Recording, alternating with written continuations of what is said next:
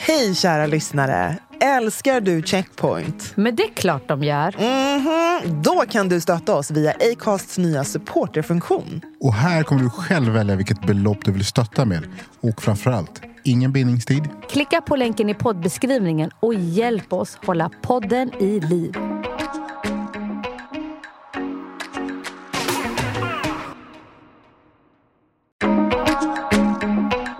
Det är ett och ett halvt år sedan som jag fick hedersuppdraget, får jag ändå säga, att vara med och skriva en svensk upplaga av en bok som heter This Book is Anti-Racist som släpptes i USA. Och så kom det ett bokförlag som eh, hörde av sig till Friends och sa vi tror att ni skulle kunna vara väldigt bra i att hjälpa oss att formulera det här till svenska. Och jag sa till dem att så här, förstår ni hur stort det här är?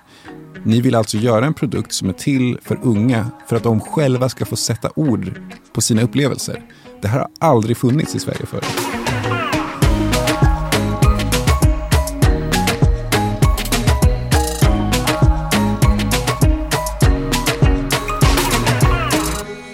Välkomna till Checkpoint, ett safe space i poddformat där vi pratar om allt ifrån politik, populärkultur, karriär, kreativitet, you name it. Men kruxet är att det är ur ett svart perspektiv. Där våra obekväma samtal blir väldigt bekväma utifrån våra härliga röster. Verkligen. Oftast med tunga gäster som droppar sanningar. Men vi finns alltid här. Your girl Anbara. Med mig Brandon. Och med mig, Nicole.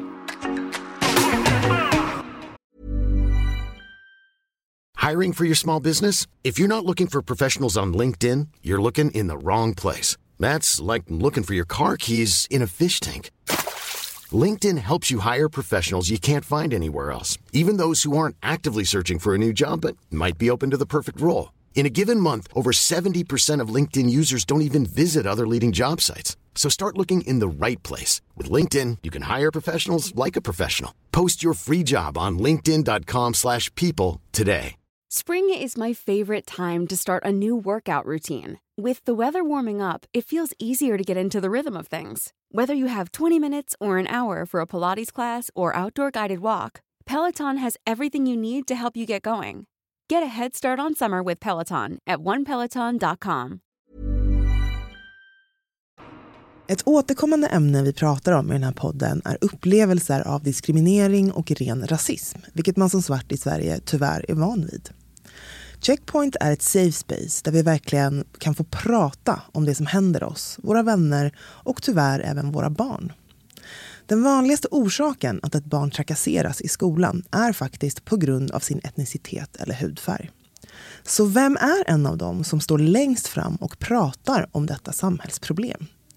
Veckans gäst specialiserar sig på rasism bland barn och unga där han ägnar sig åt att ge vuxna verktyg för att säkerställa att barn kan växa upp i en värld fri från våld och förtryck. Han har en master i kulturell antropologi vid Uppsala universitet och är författare till en antirasistisk handbok som släpptes av stiftelsen Friends förra året. Varmt välkommen till Checkpoint, Patrik Konde. Tack så mycket. Wow. Vara här. Välkommen! Äntligen! Ja, Vi försökte ju få till det här förra året när just. rapporten, eller boken släpptes. ja exakt. Och Men då var det så he- hektiskt ja, också. nej, men, Men det så är ju alltid så. du Och var så populär. Du skulle liksom, Ja fast jag vet inte om det var det, det var mest att mitt huvud var fullt. Och så tänkte jag, ja men ni sa ju november va? Och så kom jag hit vid fel datum. Och så, ja. Nu är jag här i alla fall. Ja. Jämt. Verkligen. Superkul att ha dig här. Jättefint intro. Det känns väldigt ärofyllt att få talas om på det sättet. Att jag, jag har ju valt i alla fall i min yrkesbana väldigt mycket att ägna mig åt barn och ungas utsatthet för rasism och eh, barn och ungas utsatthet för mobbning. Det ligger mig väldigt varmt om hjärtat och det känns fint att kunna ha en arbetsplats där jag kan, kan göra det arbetet. Ehm, jag har ju själv utsatts för rasism som eh, jag tänker att vi alla i det här rummet har gjort under vår uppväxt och haft många funderingar kring det. Eh, så det finns för mig att, att arbeta med rasism blir liksom som mest hoppfullt när man faktiskt jobbar med barn och unga. Eh, för att det kan kännas rätt tungt ibland när man jobbar med vuxna människor och ändra de förutsättningarna. Så det, det, det gör väldigt mycket för mig att få jobba för den målgruppen. Eh, det blir konkret, viktigt och bra helt enkelt. I, ibland kanske gör det inte så här ont också. Det gör skitont. Att eh, dels att behöva lyfta vissa frågor som kanske är nödvändiga mot viss, alltså de- den målgruppen. Men också få höra deras egna upplevelser, berättelser som kanske aldrig får ta plats. Men att man får komma i kontakt med dem. Jo men det är klart att alltså, det, är, det är mycket som det skulle, det skulle vara enkelt att blunda för. Liksom. Och det är väl det som är eh, kruxet liksom, för väldigt många vuxna. Att det är möjligt för många att blunda för det. Eh, eftersom att jag nu genom mina studier och så har kunnat hitta massa bra lösningar så känner jag att jag har ett visst ansvar i att se till att de också når ut till folk så att det kan finnas med. Så för mig så, så känns det inte huvudsakligen tungt. Det finns såklart stunder när det känns jättetungt också att läsa. Eh, om det är fritextsvar i enkäter från barn som uttrycker ibland liknande saker som jag upplevde för 20 år sedan när jag gick i skolan. Liksom. Och det kan ju också vara så här, hur kan, hur kan vi vara kvar i det? Eh, hur kan det vara samma saker som sker gång efter annan? Och, eh, så det är ju tungt, men att kunna vara med och bidra till lösning är ju såklart eh, ärofyllt och Ja, men viktigt. det kan jag tänka mig givande. Jag tänker så här, äh, vi alla har ju såklart någon gång fattat beslut vad vi ska studera eller vad vi vill bli. Och kombinationen av att man ja, men sen barnsben har blivit, utsatt för ibland väldigt, väldigt fruktansvärda saker. Oftast också, alltså inte bara av kamrater eller skolkamrater, utan av vuxna.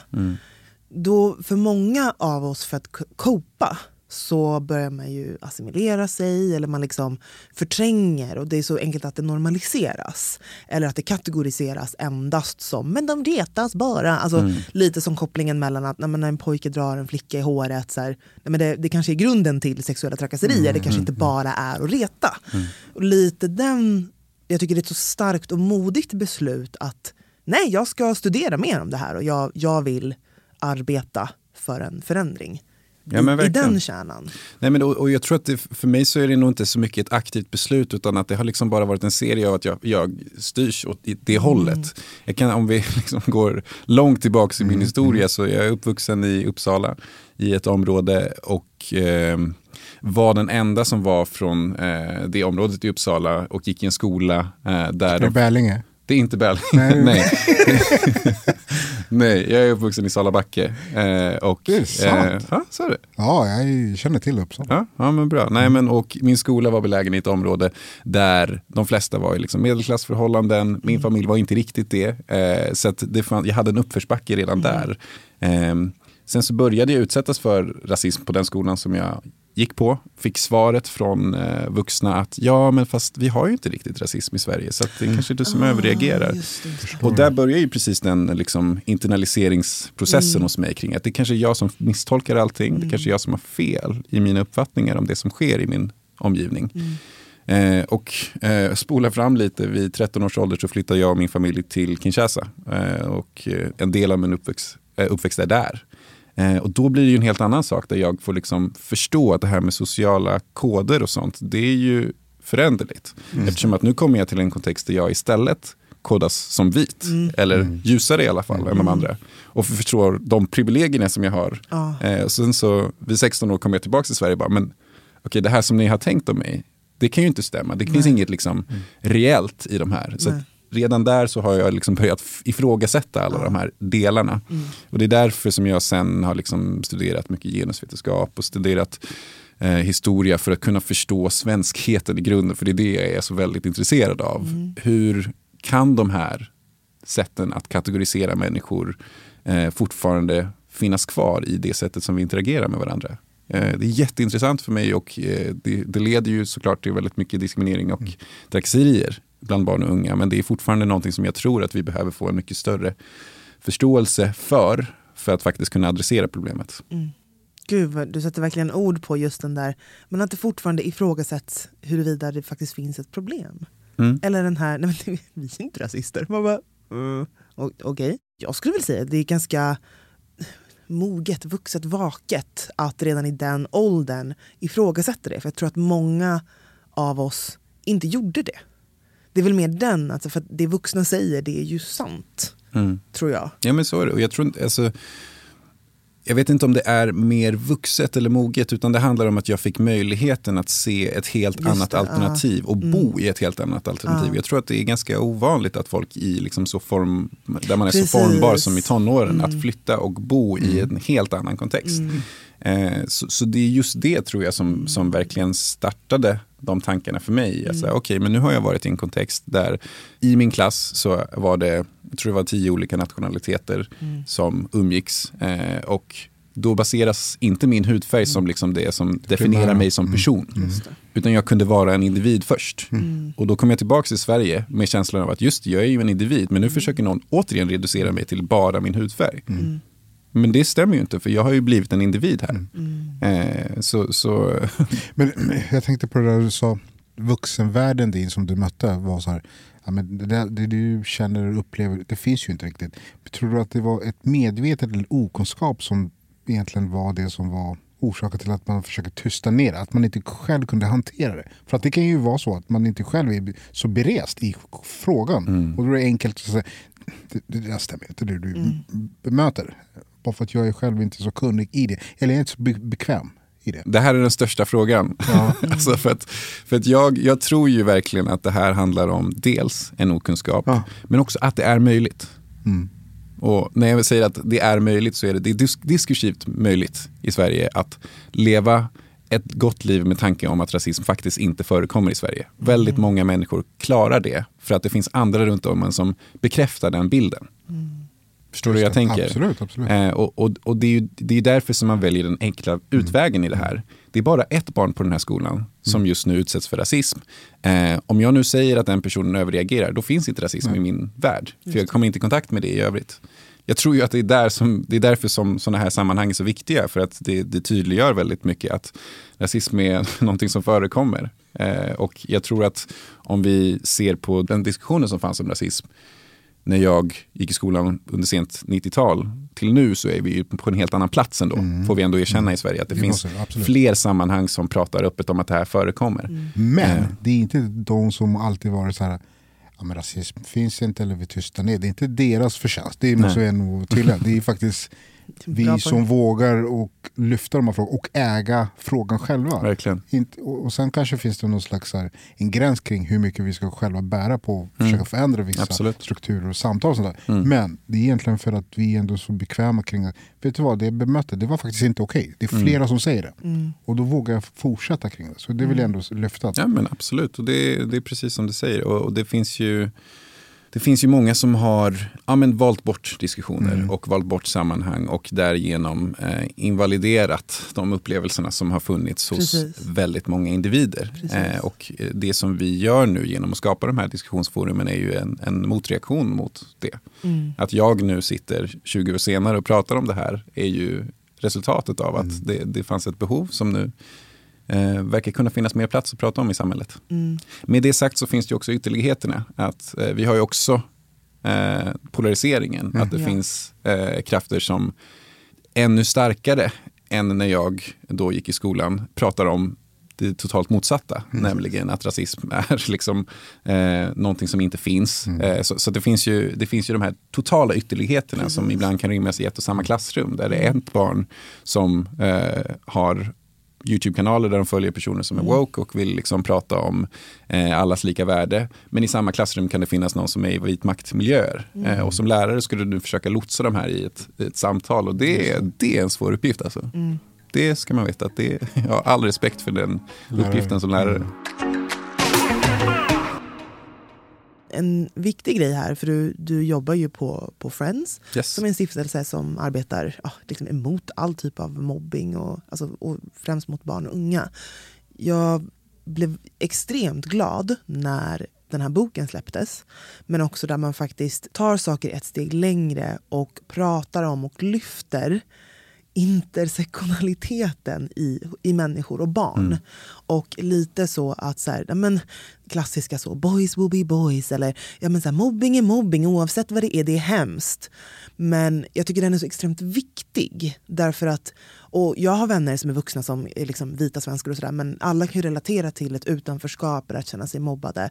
Men det blir ju någonstans tror jag att det blir en extra nivå när vi pratar om ren rasism eller diskriminering eller liksom islamofobi. Därför att det är någonting vi aldrig kommer sluta vara. Den typen av mobbing eller kränkningar eller liksom beteende mot barn kan bli så fundamental i deras identitet nästan. Faktiskt, identitet. Klockrent.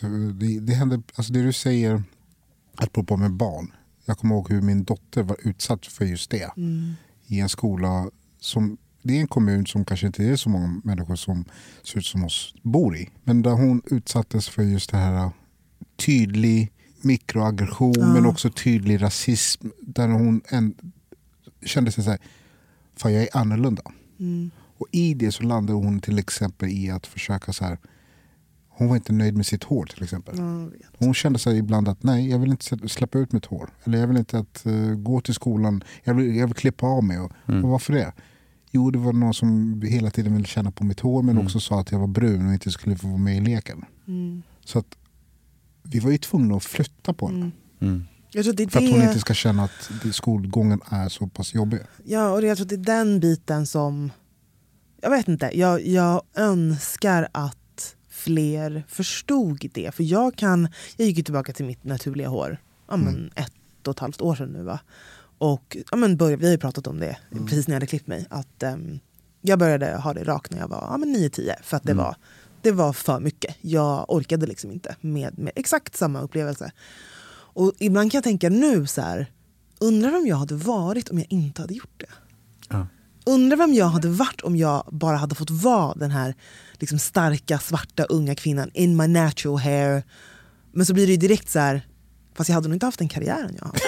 Nej, men jag, jag är liksom fullt Ja, medveten om det. ja. Det, är fortfarande, det har vi också pratat om, att så här, bara att när jag hade flätor typ i vintras var så här, oh shit, hur ska det här bli Så bemött? de väckte någon slags rebel i dig. Ja men typ, men jag är så här, men tänk om jag hade varit en helt annan, tänk om jag hade varit, det är hår för oss, det är, it's, it's part of who you are. Ja men verkligen. Och alltså, det här är ju ett återkommande samtal med mina två systrar. Shoutout. Hur vi bemöts beroende på till exempel om de har flätat håret exakt. nyligen. Liksom. Vad, vad innebär det för vilka som kommer till, fram till mig på krogen och vilka typer av frågor och inviter jag får. Liksom. Att det, att Ja. det spelar ju all roll. Liksom. Som kommentar till eh, det som din dotter har upplevt. Det är ju hjärtskärande. Eh, men tyvärr så är jag väldigt van att höra det också. Den typen av att jag begränsar, dels att jag försöker ändra någonting med mig själv, men också att jag begränsar mitt handlingsutrymme utifrån vad förövaren tycker att jag borde göra. Liksom. Att, att jag försöker nu hålla mig inom den här ganska tajta boxen, så att jag inte syns för mycket. Eller så. Eh, Men hur, hur, vad skulle du ge för tips till min dotter om du fick? till henne, Ja. eller till dig, eller till henne. Jag tänker så här, dels till mitt, nu, nu är hon faktiskt, jag, det måste jag säga att vi har jobbat ganska hårt med just att hon ska vara bekväm med sig Ja. själv och hon, vi, har fått, vi har gått på massa utställningar och teater och träffat olika, vi har varit på så här afro-svenska föreningar så att hon verkligen Mm. embrace det, det andra delen av henne. Ja. Verkligen. Så att hon, idag kan hon släppa ut håret och bara känna så här, jag är stolt. Så Nej, att men hon är där. Men jag tror att det jag undrar lite grann det är att de här historierna, alltså hennes historia är inte unik. Det finns ju flera som upplever samma sak. Exakt. Och då tänker jag så här, vad, vad brukar du ge för tips eller vad, vad vill du ge för tips för de som kanske vill ta någon diskussion med ens barn för att de, man kanske har kommit hem och berättat så här, ja, men jag blev utsatt för det här eller någon har försökt ta mitt hår, jag gillar inte det. Mm. Vad ska jag göra? Nej, men, och, och steg ett är ju att få barnet att förstå att det inte är hens fel. Att det inte är dina tillkortakommanden eller att du har gjort någonting för att förtjäna det här. För det är det som med alla typer av mobbningsbeteende blir det vanliga. Att man går in och tänker att så här, ah, okej, men jag är dålig, jag har gjort något dåligt. Men att hela tiden då se till att, att liksom ingjuta det modet i att det är inte ditt fel att du har hamnat i den här situationen. Superbra också att ni fyller på med att se till att hon ser sig själv representerad på olika sätt i samhället. Eh, jag vet, för, för, och det här har jag insett i vuxen ålder att eh, mina föräldrar hade en afrikansk filmförening eh, med många andra. Så, att, så att när jag var liten så såg jag många som såg ut som mig, både representerade på film men också andra barn som såg ut som mig själv. Eh, och det var ju jätteviktigt. Inser jag ju nu att det kanske är en annan typ av räddning, liksom att vara i ett sammanhang där jag inte alltid är konstig. Eh, för att så var det väldigt mycket i skolan, att jag kände mig lite konstig och att jag behövde liksom prestera mig förbi. Att Min kompis eh, Tanvi brukar prata om att man behöver legitimera sig i ett sammanhang.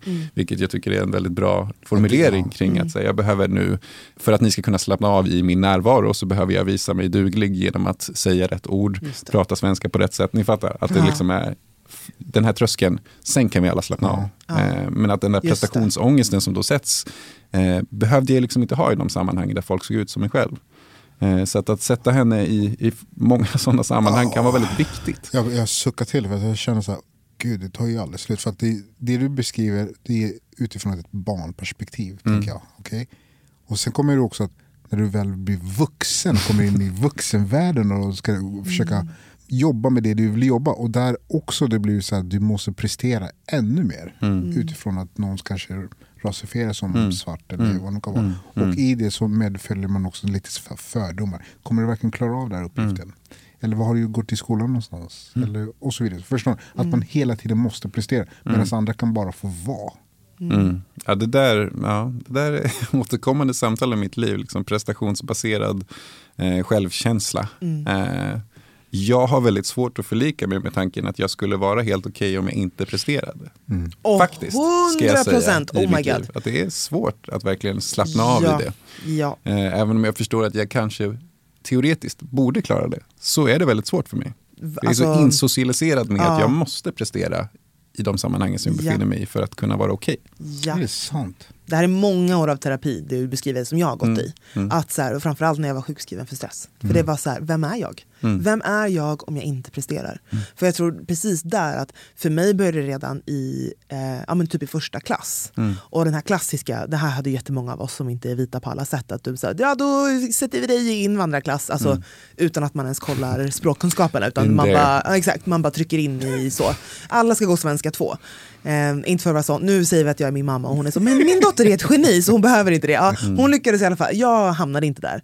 Utan jag fick till och med, när jag gick i första klass så läste jag, jag var i treornas läsklass. För att jag var så liksom. Redan där, för det har jag verkligen tänkt på, jag minns det så tydligt. För de hade liksom, böckerna var i olika färger. Och så var det så här, om du är i klass ett så har du röd och sen tre var typ grön. Så satt jag där i grön och var liksom supersmart.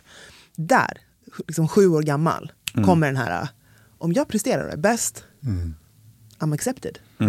Ja, men så är det ju. Och alltså, bara som anekdot då, när jag bytte skola till sjuan och började Gränbyskolan då så sattes jag slentrianmässigt i en sån Ja, det är helt svenska grupp. Eh, sen så hade vi vårt första prov och så fick jag 51 av 53 och så bara, jaha, du kanske inte behövde det, men vi såg ditt efternamn. Du, Men det är inte så att man bara, hej Patrik, hur mår du? Nej okej, han kan så bra. Nej, det är bara, Nej, men, du ser. Liksom. Ja då har vi nästa poddavsnitt med Skolverket. För i helvete. Nej men alltså, Jag hoppas också att det är bättre än vad det var under tidigt 2000-tal. Nej, Jag, jag, jag, jag vet faktiskt inte om det är så. Nej. För att jag, Vi ska inte klandra Skolverket i onödan. Men Ja, absolut. men där, Vi undersöker och skipper vi Däremot så ligger det ett, ett stort ansvar på dem för att sen kunna rusta läraren att kunna fånga upp de här händelserna, de här situationerna. För att jag tänker, jag var, inte- det var inte så länge sedan jag kom i kontakt med en annan förening som skulle ta fram en, eh, en app som skulle då försöka underlätta för barn och unga att just få koll på de här sakerna. Alltså det vill säga hur man bemöter en annan ung person, barn, whatever. Den heter Checkpoint. va? Hette, hette appen Checkpoint? Ja. Har vi snott namnet? Ja. Du sa ingenting! För Nej, jag kom på Checkpoint bra. när vi brainstormade och han har inte sagt det här. Nej. Oj oj oj, varumärkesintrång. Där har vi det. L- låter det bekant? Ja, ja, jag vet, absolut. Men där var det, man gick ju ut till olika skolor och försöka samla in de här berättelserna, vittnesmålen kring hur man blir bemött både gentemot alltså eleverna emellan men också lärarna. Så, eh, och det var ju så hjärtskärande att höra vissa historier. Och sen var det några som ville absolut inte berätta någonting. Framförallt i vissa geografiska områden. Där de kände så här, om jag berättar, vad ska ni göra med det här till? Ja, just det. Förstår man? Det är, så här, jag, jag, det är ingen som har brytt sig tidigare, så Mm. varför ska jag dela med mig? Så. Det är väl dels det tänker jag. Och också är du i ett mindre samhälle och alla känner varandra och det är en person som utsätts för rasism så tänker de att aha, Är det så här? varför har du källat? Typ. Alltså det, är- det, jag tänker att den risken finns ju också. Ja, absolut. Och, och det, en av de här projektledarna som var med i det här projektet var en svart ung man. Och han i sin tur var ute och, och föreläste om de här och ville lyfta eh, projektet och berätta lite grann om det och sånt där. Men väl i klassen så var det unga elever som sa n-ordet till honom. Och läraren upprepade det ordet. Förstår, alltså, så att han satt där och tänkte så här, nej men det här är inte sant alltså. Jag är ute och försöker prata om de här sakerna. Och här står jag och bli kallad n-ordet. Inte bara av eleven, nej, men det är läraren som upprepar det som tyckte att nej, men, det är väl helt okej för att jag, jag försöker adressera någonting som berör personen. Ja, ja, just det. Tror du att vi har kommit längre när det kommer till kunskapen hos lärarna att försöka förstå dessa frågor eller känner att det är mycket kvar att göra? Skolan är ju ett mikroexempel av samhället. Så att om du tänker att samhället generellt har nått längre så har kanske också skolan det. Men jag är inte så säker i alla. Alltså det finns vissa lärare som kan extremt mycket mer än vad de kunde tidigare. Men det finns också lärare som absolut inte har gjort den kunskapsresan. Eh, och eh, gällande utsatthet där barn utsätts av vuxna så finns det ju, som vi också skrev fram i Friends-rapporten under förra året där vi hade huvudtema eh, rasistisk mobbning och rasism. Ehm, där vi kunde se att av de barnen som har utsatts för trakasserier med koppling till etnicitet så är, finns det en överrepresentation i att också utsättas eh, för kränkningar av personalen. Ja. Det, det, det blir ju tydligt där liksom, att, att eh, det finns en tendens att tänka på de personerna som lägre ställda eller att det finns en tendens att eh, inte vara lika försiktig i alla fall med hur vi uttrycker oss gentemot dem. Alltså man skulle ju tycka när man, när man då är utbildad pedagog, borde man inte ha någon form av likabehandlingsmodul? Alltså lite den och framför allt när det är barn du jobbar med. Sen är det, här, det finns alltid bad apples, så är det ju. Vi har, man alla minns någon liksom upp och ner som, som var elak. Jag, jag hade en, vi hade en lärare i gymnasiet som, och det var ganska sjukt. Så jag är ju liksom ah, mixed, eller mer light skin och så var det en tjej, en ugandisk tjej också som gick i min klass som var, eh, som var svart. Och en lärare vi hade som var skitdålig, liksom, någon jävla gubbe. Han pratade helt normalt med mig men vägrade använda hennes namn och refererade bara till henne som n-ordet. När hon räckte upp handen, n-ordet. Alltså, all, det, han vägrade använda hennes namn. Det var jättespeciellt, men till mig så var han helt normal. Och då, det var min första så här, what the fuck? Jag har ändå fattat liksom, kolorism, framförallt när jag åkte till Uganda. Också den här, för då, jag är ganska light skinned och jag hade en period när jag var blond, så då var jag väldigt ljus. Liksom. Så då var de så här, men Mazungo du är vit. Liksom. Ehm, att jag verkligen inte blev accepterad då. Så att jag visste ju ändå så här, okej kolorism finns. Det är olika på den skalan. Men då var det så här, what heck? Okej vänta, du ser på oss helt olika. Det var en tjej året under som till slut lyckades anmäla honom och fick bort honom. Men det var en lång process. Ja, men såklart. Men just den där också, att så här, när man då inte så här pinnar barn mot varandra, men lite så att du ändå särskiljer, då blir det ju personligt. Ja. Det är det som också blir så mörkt, att så här, men gud, du är, en, du är en evil människa. Alltså det är något fel på dig. Och det enda tänker jag, så att barnet har som makt det är ju också att läsa av vuxenvärldens språk och beteende. Alltså det, det, det, alltså det är allt annat. Det är, vad är det du säger? Vad är det för dold agenda du har bakom din, dina ord? Kan man inte fånga upp det, då blir det väldigt, väldigt skadligt tänker jag. Eh, Ovanligt ska sägas att det är en så direkt liksom, till en person. Oftast så används, om det används av vuxna så är det ju allmänt liksom, att, man, an- att de använder n-ordet eh, för att förklara någonting i historien. Eller så. Men att det är så riktat mot en person, det skulle jag säga är ändå ovanligt. Ja, ja, det är Eh, bra. Men eh, hemskt. Hej, det här är Alice Bah Kuhnke och du lyssnar till min favoritpodd Checkpoint. Om du vill eh, få fler perspektiv på livet, om du vill skratta, kanske gråta lite, eh, skakas om, provoceras, eh, fnula fram någonting härligt utifrån andras tankar. Lyssna på Checkpoint.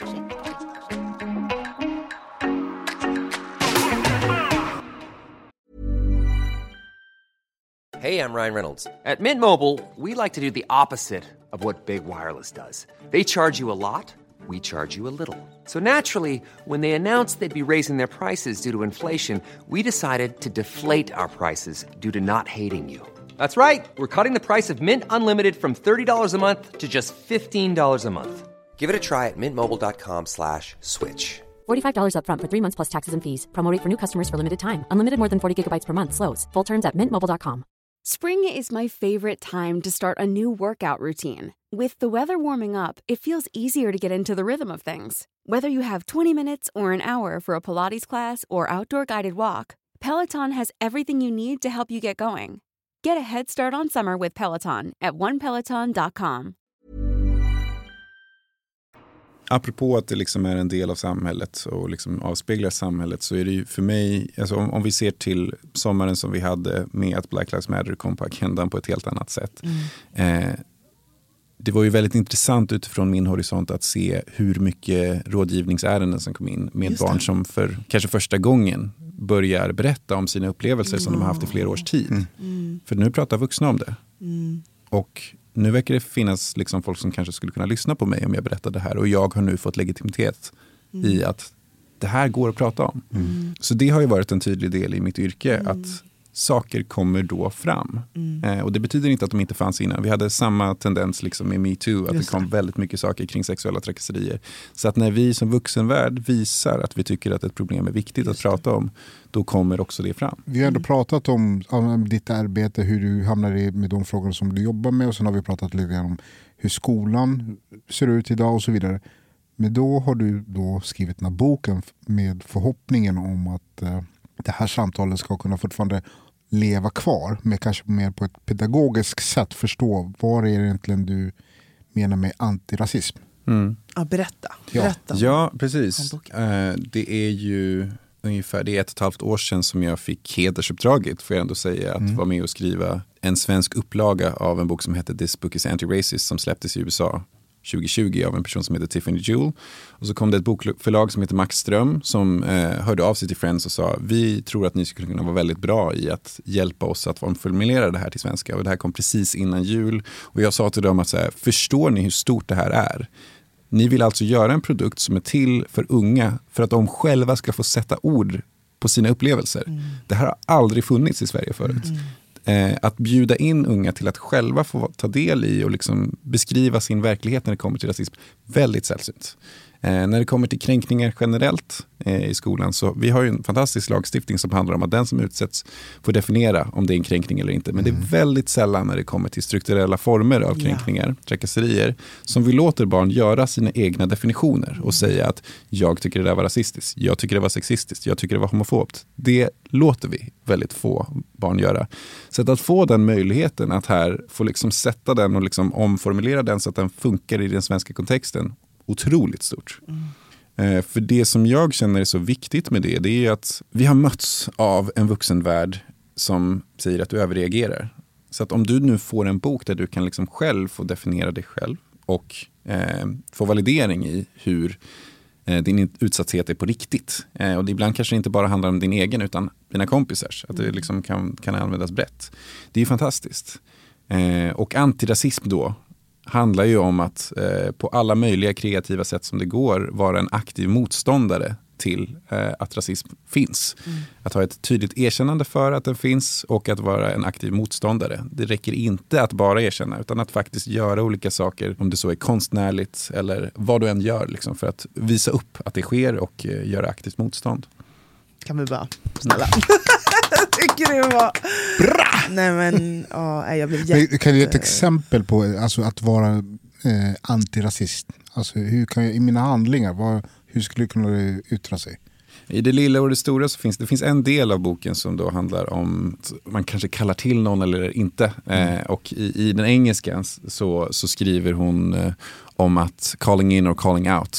Eh, nämligen att ska, ska jag i stunden när jag står inför att jag har hört någon säga något rasistiskt, ska jag då välja att ropa ut eller liksom på något sätt eh, eh, ja, men för resten av gruppen uppmärksammar det hela? Eller är jag den typen av person som kanske är bättre på att ta samtalet enskilt? Så att det finns, den ger väldigt många olika vägar för den som då eh, står inför ett sånt beslut. Att eh, jag kanske är bättre på att ta ett samtal det. enskilt med en person. Jag kan få samma effekt och det kanske hjälper den individen i stunden att eh, inte få taggarna utåt och säga. Liksom. Så, att, så att det, den är strategisk på massa olika sätt i hur, hur man kan göra det. det tycker jag är också viktigt, att det är en bok som mm, någonstans inte bara lämnar en i tomma intet. Att det ger också tips och råd hur man skulle kunna Mm. Föra samtalet vidare på ett väldigt enkelt och basic sätt. Ja, men. Eh, Men också, jag uppfattar det som att hur viktigt det är också att kunna sätta ord på saker och ting. Verkligen. Och äga den historien, alltså äga ens upplevelse. Ja. Eh, att du inte shush, shush, nej men så var det inte.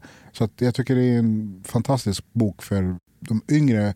Jag upplever det som att det finns också en liten hopp om att det här samtalet är mer bekvämt i den yngre målgruppen. Även fast det finns fortfarande saker och ting att göra så tycker jag att vissa unga människor har lite grann utifrån kanske att man har tillgängligt med internet att det är lätt att se på andra saker och ting Mm. och andra kontexter och sånt där. Så är det också kanske lätt också att se andras människors utsatthet och Verkligen. ha en diskussion kring det. Och det är så intressant för att precis innan jag åkte hit så Mm. fick jag, jag läste en, en ny eh, utkommen rapport av Rädda Barnen där de har frågat barn vad de helst skulle vilja påverka i samhället. Eh, plats nummer ett är rättigheter mellan eh, tjejer och killar. Det är plats ett. Plats två på 65 procent av dem har svarat att påverka arbetet mot rasism. Är det sant? Eh, så barn och unga är väldigt måna om att det här arbetet görs bättre av oss vuxna. Kan vi tolka det som. Ja. Så att det finns en enorm vilja att eh, ta vara på. Och det gjorde mig väldigt glad att se det. Att de ser också att det här, här är någonting som vuxna inte gör bra nog. Här kan vi komma in och göra det bättre. Exakt. Det gläder mig att höra för att oh, gud, som har samtalen gång på gång på gång. Sen säger, men det här finns, nej det är du som håller på att titta med andra ögon som inte riktigt finns. Man bara oh shit, god damn it. Nej, men då de här, den här studien, det, är ju, det har ju frågat 6 000 barn brett liksom, över Sverige. Liksom. Så att det finns ju en, en, många som då tycker det. Eh, vare sig du själv utsätts för rasism eller inte så finns det en väldigt stor vilja att påverka i de frågorna. Och det är ju fantastiskt. Jättebra. Eh, det är, återigen, det är sånt här som får mig att känna mig hoppfull kring att jobba med målgruppen barn och unga. Men när du, när du är ute och pratar om den här, den här boken och ditt arbete i skolor och sånt där, har du mött på den här färgblindheten? Alltså, och det här, det här kommer ju från en pedagogisk teknik på något sätt, får man ju ändå säga. Och det finns något som kallas för blended learning, vilket handlar om att ja, jag kommer behöva ta in massa ny kunskap som är jobbig för mig att ta in. Men det är inte nödvändigt att jag gör det i en föreläsningssal med en föreläsare som just nu liksom bara trycker på med massa saker. Utan det vi har gjort är ju dels att tagit fram liksom olika korta podcasts och sånt och i det här fallet då den här boken. Så att du kan sitta själv och läsa med den. Du kan få bli lite arg själv över att vi har en historia av att ha ett rasbiologiskt institut. Men du behöver inte bli arg och söka, eh, söka andras stöd i din ilska. Och i det här pedagogiska så, så finns ju då möjligheten att ha sin affekt få den eh, liksom överstökad för att sen möta andra personer och diskutera. Så det är ofta det sättet vi arbetar på. Så att jag skulle säga att numera så är det ganska sällan som jag faktiskt möts av det. Om någon då har tagit del av någon av den här informationen på förhand. För då förstår man på något sätt att säga, okay, men jag kommer behöva lyssna och, och förstå att det här kräver en självrannsakan för mig själv. Och det de säger i detta är inte att eh, jag eller min farfar är asdålig eftersom att de har liksom ägnat sig åt rasistiska saker. Utan de säger att de är en del av en rasistisk kultur som har funnits med oss länge. Så att det är inte den enskilda personens tillkortakommande. Och det är ju just Det är där intentionaliteten att jag menade inget dåligt när jag Nej, sa något precis. rasistiskt. Därför så var det inte rasistiskt. Nej, det är inte så det funkar. Vi har en historia av detta. Därför så kommer det ofrånkomligen vara så att vi kommer se olika tecken på att det har funnits runt om oss. Och du kommer bli påverkad men att du lever i en kontext så att det är nästan omöjligt att du inte skulle bli påverkad av det. Jag skulle nästan säga att det snarare är befriande för många att få liksom den här grundliga förståelsen för att det här är något strukturellt som inte är mitt eget fel om jag nu har gjort mig skyldig till. Och sen så kan man ju förstå det som att det finns ett väldigt stort allvar i det som man har gjort ändå. Men det påverkar inte egentligen min identitet som person. Nej, men framförallt att någonstans är, jag brukar säga det, det som har hänt har hänt. Vi kan inte förändra historien, men vi kan, förändra, att, eller vi kan välja att förändra framtiden. Alltså tar vi med oss den historien in och fortsätter leva så och bete oss så, eller ändrar vi på det? Men det är intressant, vi hade en eh, nätverksträff igår och det var jätte, alltid jättekul att träffa bara icke-vita personer eh, som har fantastiska jobb. Men då började vi ha en diskussion kring det här, men skillnaden sen egentligen 2020 efter liksom BLM blev större och vi började ha samtalet på en helt annan nivå. Hur många av oss istället för att vara lite passiv i vissa relationer eller vänskaper där man säger ah, ja, men hen vet inte bättre och nu slank det där ut eller deras brorsa är rasse typ. Och man säger men det är inte dens fel. klipp till att man bara, fast vet du vad? Du kan inte vara passiv längre.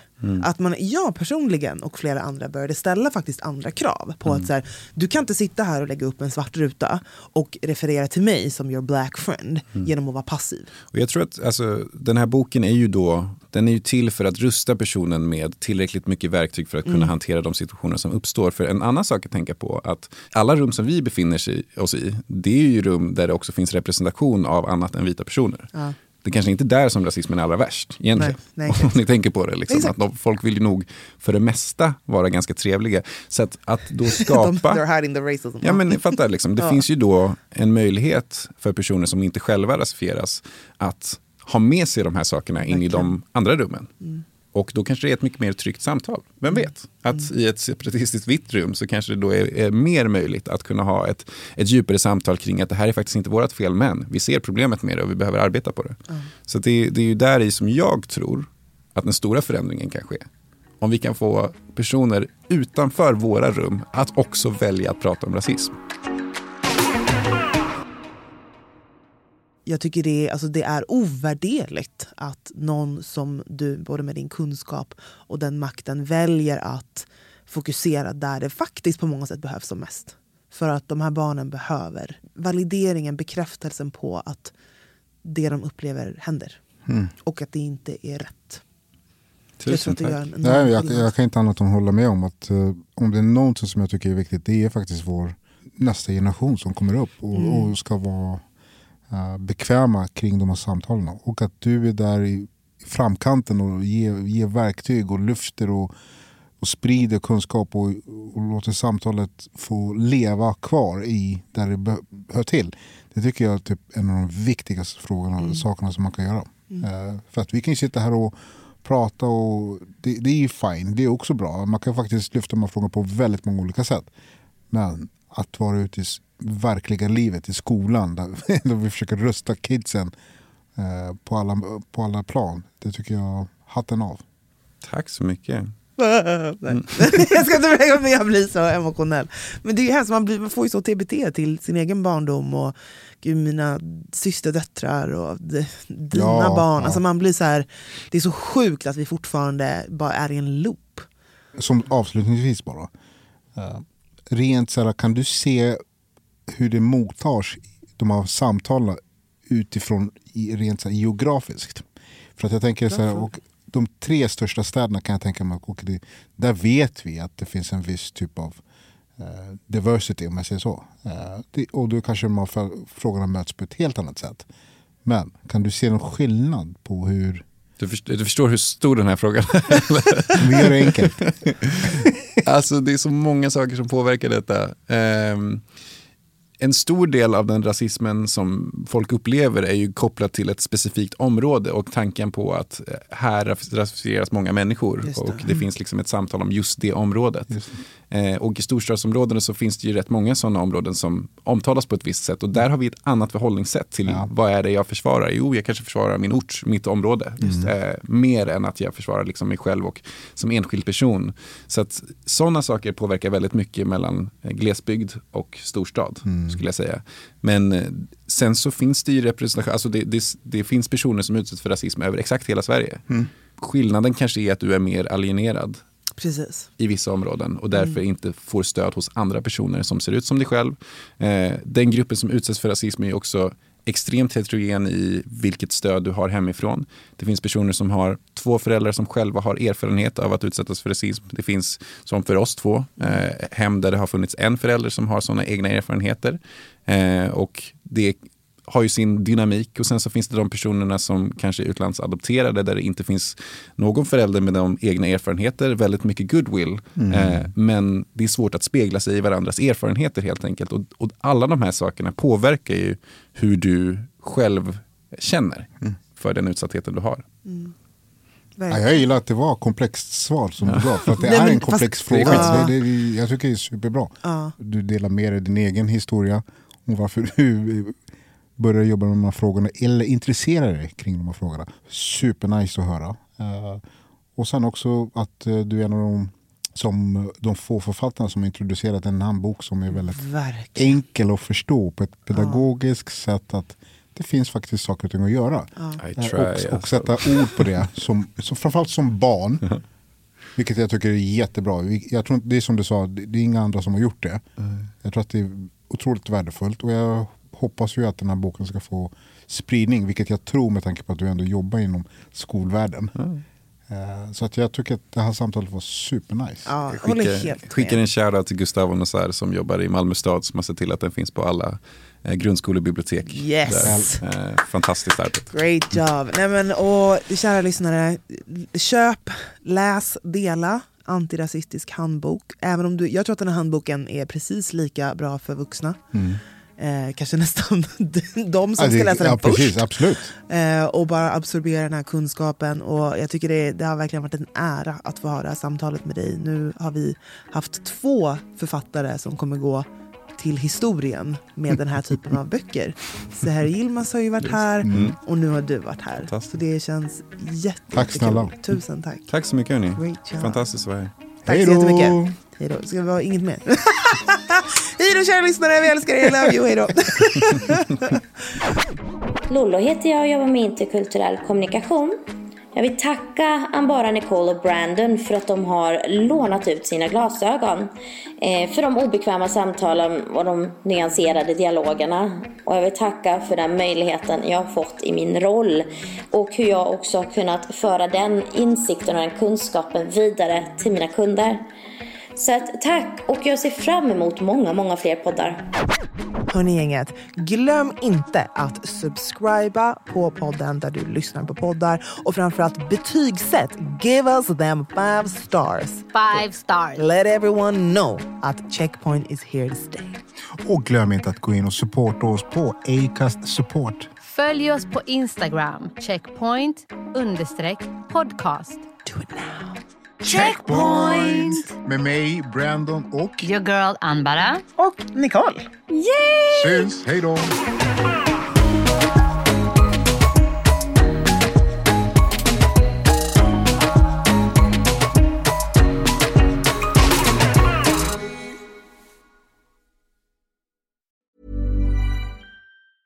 Planning for your next trip? Elevate your travel style with Quince. Quince has all the jet setting essentials you'll want for your next getaway, like European linen, premium luggage options, buttery soft Italian leather bags, and so much more. And is all priced at 50 to 80% less than similar brands. Plus, Quince only works with factories that use safe and ethical manufacturing practices. Pack your bags with high-quality essentials you'll be wearing for vacations to come with Quince. Go to quince.com slash pack for free shipping and 365-day returns. Hey, folks, I'm Mark Marin from the WTF Podcast, and this episode is brought to you by Kleenex Ultra Soft Tissues, your ally to help tackle your allergy symptoms this season. I love the change of seasons, but nobody loves pollen and all those other things floating in the air that make you sneeze during this nice weather. Kleenex Ultra Soft Tissues are hypoallergenic and allergist approved, so fight back against watery eyes and runny noses without worrying about irritating your skin. For this allergy season, grab Kleenex and face allergies head on.